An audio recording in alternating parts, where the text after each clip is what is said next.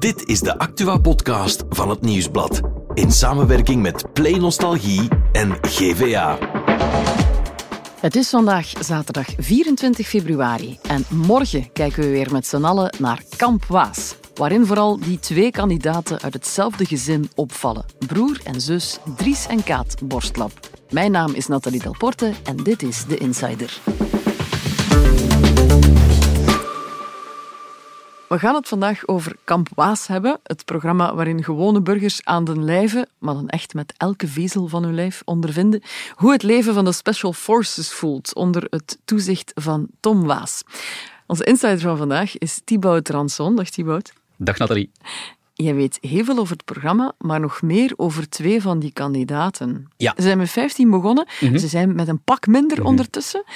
En we willen het hebben over twee specialekes. Broer en zus Dries en Kaat Borstlap. Absoluut. De wonderkinderen uit Kamp Waas. Ja, hè? En jij bent met mama en papa gaan babbelen? Ik ben ten huize uh, Boslap, uh, wat de kinderen uh, letterlijk Basecamp noemen. Uh, is dat sinds de... Kamp Waas? Uh, ja, dat weet ik niet. Dat weet Ah, ik niet. Uh, maar inderdaad, zo zijn mama en papa van ja, de kinderen noemen het hier Basecamp. het zou me niet verwonderen dat het sinds, sinds Kamp Waas is. Ben ik op de sofa gaan zitten met mama en papa Boslap. En waarom? Wacht, ik denk omdat ze ook tot jouw verbeelding spreken? Ja, absoluut. Ik, ik wilde weten wie, wie zijn die mensen? Wat zit daar in het leidingwater of in het DNA van die Boslappen? Want zo twee geweldige kandidaten, mm. waar zelf de monden van de Special Forces bij openvallen. Dries is buiten maat. Dries stuurt onze hele planning in de war, want we hebben niet genoeg volk om al die punten te blijven be bemannen. Waarbij Dries Boslap, de broer, uh, weer een of andere heel straffe prestatie had gedaan. Waarop Tom Waas zegt van uh, Fly, aan de drill-instructeur van de Special Forces, moet je die man geen contract aanbieden. Dan zei uh, Fly, denk het aan de zus die minstens even klappe prestaties levert. We zouden beter die ouders een contract geven om soldaten te kweken, om de toekomst van ons Belgisch leger te verzekeren. Het is vijf uur ochtends en daar is Dries Borstlap. Nog altijd lopend. Dat doet hij al bijna het hele traject. Fly had voor de hele Tenderfeet 24 uur voorzien. Dries doet het in 15 uur. Mm, indrukwekkend. Ik zou uh, die ouders een contract aanbieden. Soldaten kweken. Goedenavond, ochtend, middag. Meneer Borstlap. Je bent uh, een paar uur vroeger dan ik ook maar iemand verwacht zou hebben. Dus die ouders, die wilde ik zien. Ja, dat snap ik. Maar misschien toch even voor de mensen die het programma niet volgen. Wat is er zo bijzonder aan die twee in dat programma? Wel, broer en zus. Uh, ze schelen vier jaar. Oudste en jongste van het gezin. En ze doen het allebei gewoon echt onwaarschijnlijk straf. Mm -hmm. um, om het voorbeeld te nemen, Dries uh, die heeft de zogenaamde uh, Bergham Run, een heel bepalende proef voor de Special Forces, om tot de Special Forces, de elite van de elite soldaten te kunnen toetreden, heeft die afgelegd, het is een, een 8 kilometer lange tocht met een rugzak van 20 kilo, ja. heeft die afgelegd in een tijd die bijna een van de allersnelsten was. Daarmee bedoel ik niet een van de allersnelsten in de geschiedenis van Kamp Waas, maar een van de allersnelsten in de geschiedenis van de Special Forces. Ja. Dus zelf die Special Forces zeggen, wat is dat hier? We moeten die inlijven. Dit is ongelooflijk. Ja. En Kaat, zus, uh, doet het ook ongelooflijk uh, straf. Uh, meer nog, zij is enkele afleveringen geleden zelf aangeduid als teamleider van het elite-krantje kandidaten die nog overblijven. Mm -hmm. De beste van de beste. Wordt zij door de Special Forces aangeduid als de leider van de groep. Oké, okay, Campois, line up. De SF heeft de hele nacht vergaderd. Wie moet welke functie krijgen? En vooral, wie moet er teamleader worden? Dat was de vraag. Dries, Koms en Kaat, teamleader. Hoog tijd om eens met Katrien Domen en Geert Borstlap te gaan praten. De ouders in Basecamp Borstlap. Hoe ziet dat gezin eruit? Wat, wat gebeurde er toen je daar binnenkwam? Zag je daar een, een weet ik veel, een, een hele fitnesskelder? en, en, en worden die gedrild, die kinderen? Wat, wat gebeurt er? Het zag er um, heel gewoon oh, uit. Dat valt tegen. Uh, ja, ja, misschien wel, misschien wel. Uh, ik moet zeggen, ze zijn wel recent verhuisd. Het was een Wilrijk, ja. um, zonder de privacy van die mensen te veel te schenden, maar een mooie mooie residentiële wijk, een, een mooi gerenoveerde woning met mooie tuin. Ehm, maar wat zegt Katrien, we zijn hier recent verhuisd, nu alle kinderen van het gezin uitgevlogen zijn. Ja, want zijn er nog meer kot. dan twee, hè? Kunnen we straks misschien op ingaan, maar er zijn Ja. nog twee Er er anderen. nog. Absoluut, absoluut. Maar dat ziet er gewoon uit en die mensen doen ook gewoon en, en zijn ook gewoon. Ja. Ehm, maar ze hebben ook zelf, mama en papa, wel bijzondere eh, kwaliteiten. Ja, ja, wat zit er in hun bloed? Ja, ze hebben elkaar leren kennen, um, Katrien en Geert, op de universiteit. Het zijn twee wiskundigen, um, masters in de wiskunde. En eh, Geert was de prezes eh, van de studentenvereniging, zo is hij in contact gekomen eh, met Katrien. En ze waren ook allebei, dus allebei knappe koppen, maar ook allebei heel sportief. Um, al een beetje, beetje schertsend zegt Geert dat hij ooit de 178ste squasher van het land was.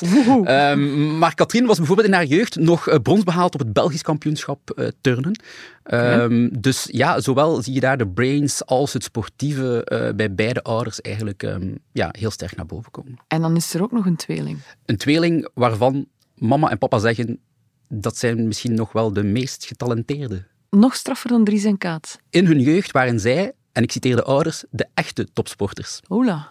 We hebben Lars, uh, dus Lars en Hanne, tweeling. Die zitten net tussen, qua leeftijd tussen uh, Dries en Kaat in. Ja. En Lars is nog uh, Vlaams kampioen uh, tennis geweest.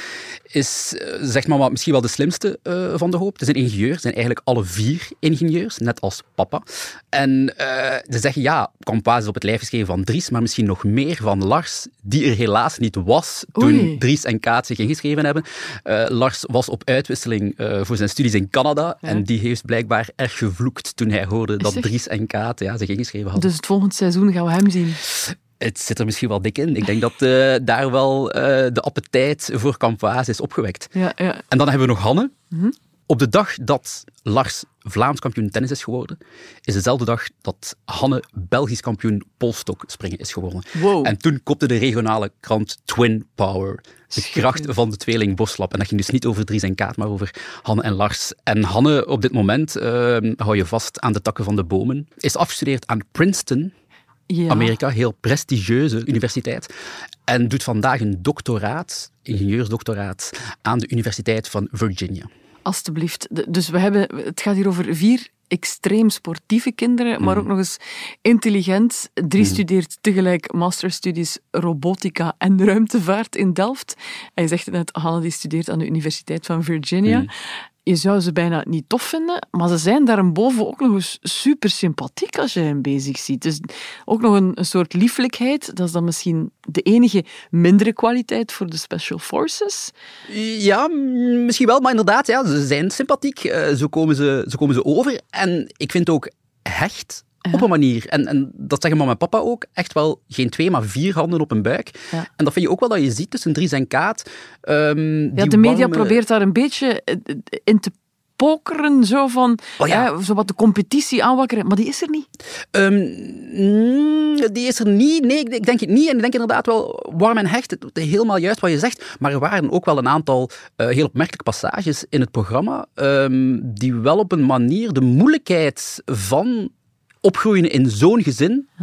Wel weergeeft. En dat was vooral Kaat die daar dan eigenlijk ja, een beetje in haar ziel eh, liet kijken. Dries blijft heel rationeel, eh, heel rationele kerel. Maar Kaat liet wel in haar ziel kijken en die heeft letterlijk wel ook gezegd in het programma van hoe moeilijk het soms is, was Als in- jongste van de vier. als jongste van de vier, om te moeten opboksen tegen broer en zus, die zo fantastisch in alles zijn. En zij zegt letterlijk, ik was in alles altijd de slechtste. Ja, en maar dat heeft zich een beetje gekeerd door het programma. Hè? Wel, dat zie je dan ook, dat is fantastisch. In het programma zegt zij dan letterlijk van, eigenlijk is het fijn om hier te beseffen, het ligt niet aan mij. Dries is echt uitzonderlijk. En eh, misschien moet ik minder aan mezelf eh, twijfelen. En het was ook wel interessant wat mama en papa daarover te zeggen hebben. Ja. Ik heb ze daarmee geconfronteerd, want het moet niet eenvoudig zijn om dat te horen zeggen van je jongste dochter op tv. Maar ze blijven daar ook heel nuchter in. Ze zeggen, ja, natuurlijk, wij kennen eh, Kaat, wij weten wat daarachter schuilt. Ehm, mama zei ook, ehm, relativerend, als dat het zwaarste is wat Kaat heeft meegemaakt in haar jeugd, namelijk het moeten opboksen tegen straffe broer en zus, ja, dan valt het allemaal wel best mee. En, en, papa ziet het ook heel positief, als in dat heeft Kaat ook naar een hoger niveau gebracht. Iemand die heel snel kon fietsen als uh, jong kind, heel snel kon lopen, heel snel kon zwemmen, op heel, heel jonge leeftijd, te danken aan broer en zus die haar vooruit sturen. Na een voormiddag voorbereiding is het tijd om te vertrekken. We zijn klaar, we zijn voorbereid, maar we zijn ook voorbereid op het ergste en daar kun je nooit voorbereid op zijn. Dus we weten dat er waarschijnlijk van alles gaat misgaan, maar daar kun je niet op voorbereiden. Oké, we hebben het hier over vier heel straffe kinderen. Je zegt het net, heel snel kunnen fietsen, zwemmen, weet ik veel wat allemaal. Zit daar dan ook niet een beetje druk onder vanuit de ouders? Wel, zelf eh, zeggen ze um, dat de kern van de opvoeding was, um, het maakt niet uit wat je doet. Ja. Is het lopen, is het zwemmen, is het... We hebben ook Kaat hebben we naar 27 hobby's gestuurd. wat ze ook maar wilde. Um, maar je moet het wel goed doen.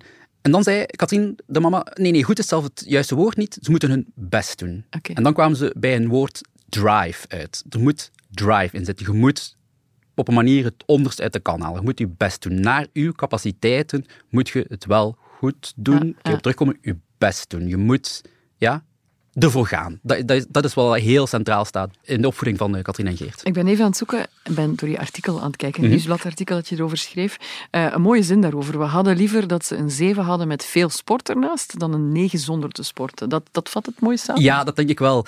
En ze zeiden ook letterlijk, dat werd ook zeker in, het, in de rapporten van Dries heel vaak geschreven, dat leerkrachten zeiden, minder sporten, meer studeren. Ja. We zeiden, nee, echt helemaal prima. Um, tuurlijk, ze moesten er wel door zijn. Ja. En het helpt natuurlijk als je kinderen hebt die slim zijn en misschien niet zoveel moesten studeren.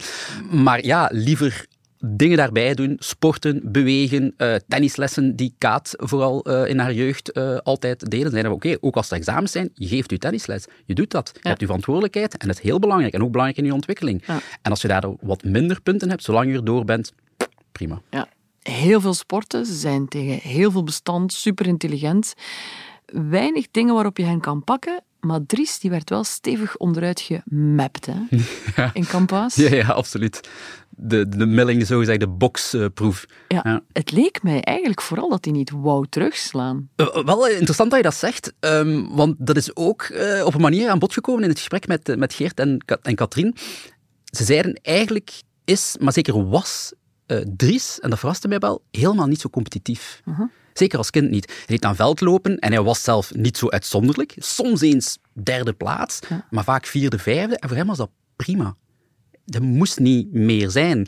Meer nog, ze vertellen de anekdote dat hij een getalenteerde tennisser was en als zes jaar, dus heel jong, geselecteerd werd voor regionale selecties topsportschool. Oké. En daar zagen ze een enorm getalenteerde Dries met raket, tot hij tegenover een tegenstander stond en een wedstrijd moest spelen. Hij kon niet winnen en de trainers verstonden het niet. Je kan het, je hebt superveel talent, maar het lijkt alsof je medelijden hebt met de tegenstander. En dat was ook effectief zo. En Dries kwam dan enorm onder druk te staan en is zelf, vertelt mama, eh, naar de psycholoog gestuurd om daar als zesjarige mee om te gaan. Thibaut, ik moet toegeven, ik zit aan te kijken naar Campoise. We hebben thuis twee dochters en soms denk ik wel van, oei, zijn we te soft in onze opvoeding? Te stimuleren we hen te weinig? Of ja, ik weet niet, wat zegt Mhm. dit gezin over opvoeding Mhm. van zich? Ja, een heel goede vraag. Zelfs zeggen ze, we geven geen advies. Ehm, we hebben zeker geen toverformule. Een deel is uiteraard ook DNA en genen. Ik vind dan een heel moeilijke, wat ik daar zelf zou uithalen als eh, toekomstig papa. Ja. Eh, hopelijk ooit. Ze leggen die lat niet waanzinnig hoog. Het is geen drillkamp eh, daar, maar wel zo van je moet je best doen. Of zo. Dat zit er heel Stimuleren erg in. Stimuleren, Ja. drive. Ehm, niet die nadruk leggen op school. Ik zeg het natuurlijk wel makkelijk als je kinderen niet zoveel studeren nodig hebben. Dat is dan makkelijk Als ze gezegd astronaut willen worden, boah? Voilà. Wat dat ook een, een heel centrale was, vond ik, of dat ik meepikte, is ehm, de afwezigheid van schermen in dat gezin. Oké, dat is een grote. Ja, ehm, maar ze zeiden, we hebben nooit iets verboden, maar de tv stond amper op. PlayStation is er nooit in huis gekomen. De kinderen wilden gewoon buiten spelen. En dat deden ze. En uh, toen woonden ze uh, nog niet, Basecamp Borstlap was nog niet in het residentiële Wilrijk, maar um, in Vosselaar, waar ze een heel grote tuin hadden, de Borstlap. Uh, en daar hadden ze een Zodiac zwembad, een zandbak, een, een klein bosje, zegt papa Geert zelf. En dat was gewoon ravotten en spelen en zandkastelen bouwen en tunnels graven. En dat was hetgeen waar de, de kinderen zich mee bezig hielden. Dus heel veel buiten gespeeld, motorische ontwikkeling. En uh, op heel jonge leeftijd leren schaken. Oké. Dat heeft uh, papa Geert mij onthuld, dat hij op heel jonge leeftijd is begonnen, dus naast de motorische ontwikkelingen buiten spelen, brein te ontwikkelen door ze uh, ja, te laten schaken tegen uh, elkaar en met uh, papa. Ja, dus als Thibaut een kindje krijgt, komt er een schaakspel op de geboortelijst te staan. Of een zandbak. of een zandbak. Ja, ja. Hoe ben je daar buiten gegaan bij dat gezin? Met welk gevoel? Ja, um, met een gevoel van eigenlijk uh, zijn die vrij gewoon. Mm-hmm. En dat geeft wel een goed gevoel. Een vrij gewone levenssituatie, een vrij uh, gewone uh, mensen. Um, maar natuurlijk wel allemaal heel getalenteerd. Dus ja. de, DNA is echt wel um, ja, zowel sportief als cognitief enorm hoogstaand. Ja. Maar misschien ook van, en dat zei dus een beetje Willis Nilles, laat je kinderen maar wat los. Um, ze zeiden, we hadden vier kinderen op vier jaar tijd. Eigenlijk hadden we handen tekort. En een beetje, ja, het is niet van kiezen, maar je gaat een beetje zelf je eigen plan moeten trekken. Ja. En dat was niet enkel je eigen schoenen en je eigen broek aandoen, maar op heel jonge leeftijd de kinderen al alleen met de trein, omdat het niet anders kon, voor het van Vosselaar naar Gent gestuurd op elfjarige leeftijd. Ik herinner mij dat um, de Hanne, uh, de tweelingzus, uh, het laatste jaar humaniora al op kot ging met kotstudenten. Cool. Uh, het zijn zo een aantal voorbeelden. Ik dacht van oké, okay, ze hebben wel heel snel heel veel verantwoordelijkheid gegeven aan hun kinderen en die leren loslaten. En dat vond ik wel een, een heel opmerkelijke. Dat woord, dat is het moeilijkste voor een ouder. Laat het, het, schijnt, het schijnt. Katrien en Geert, dus de ouders borstlap. Ik vind het ook schoon dat ze elke week twee keer naar de afleveringen ja. kijken. Is dat één keer per kind? Zo zou je het kunnen noemen. Ja, sinds is zondag een feest. Een feestdag voor de familie Borstlap. En dan kijken ze één keer met vrienden en familie. Ze maken een mooi feestelijk avondmaal, samen in de zetel. En als iedereen naar huis is, dan kijken Katrien en Geert gewoon nog een keer. Maar zo schoon, zo schoon. En, wel, en uh, we gaan van hen toch een paar uh, wijze lessen meenemen. Geen schermpjes, veel buiten spelen, schaken en loslaten. Hou me los. Dankjewel, Thibaut. Ik ga je bij deze dan ook loslaten. Graag gedaan, Nathalie. Tot de volgende keer.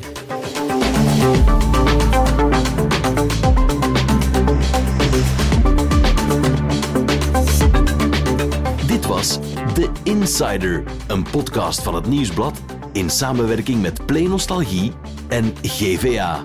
De muziek is van Pieter Santens. De montage gebeurde door House of Media. Wil je reageren? Mail naar podcast.nieuwsblad.be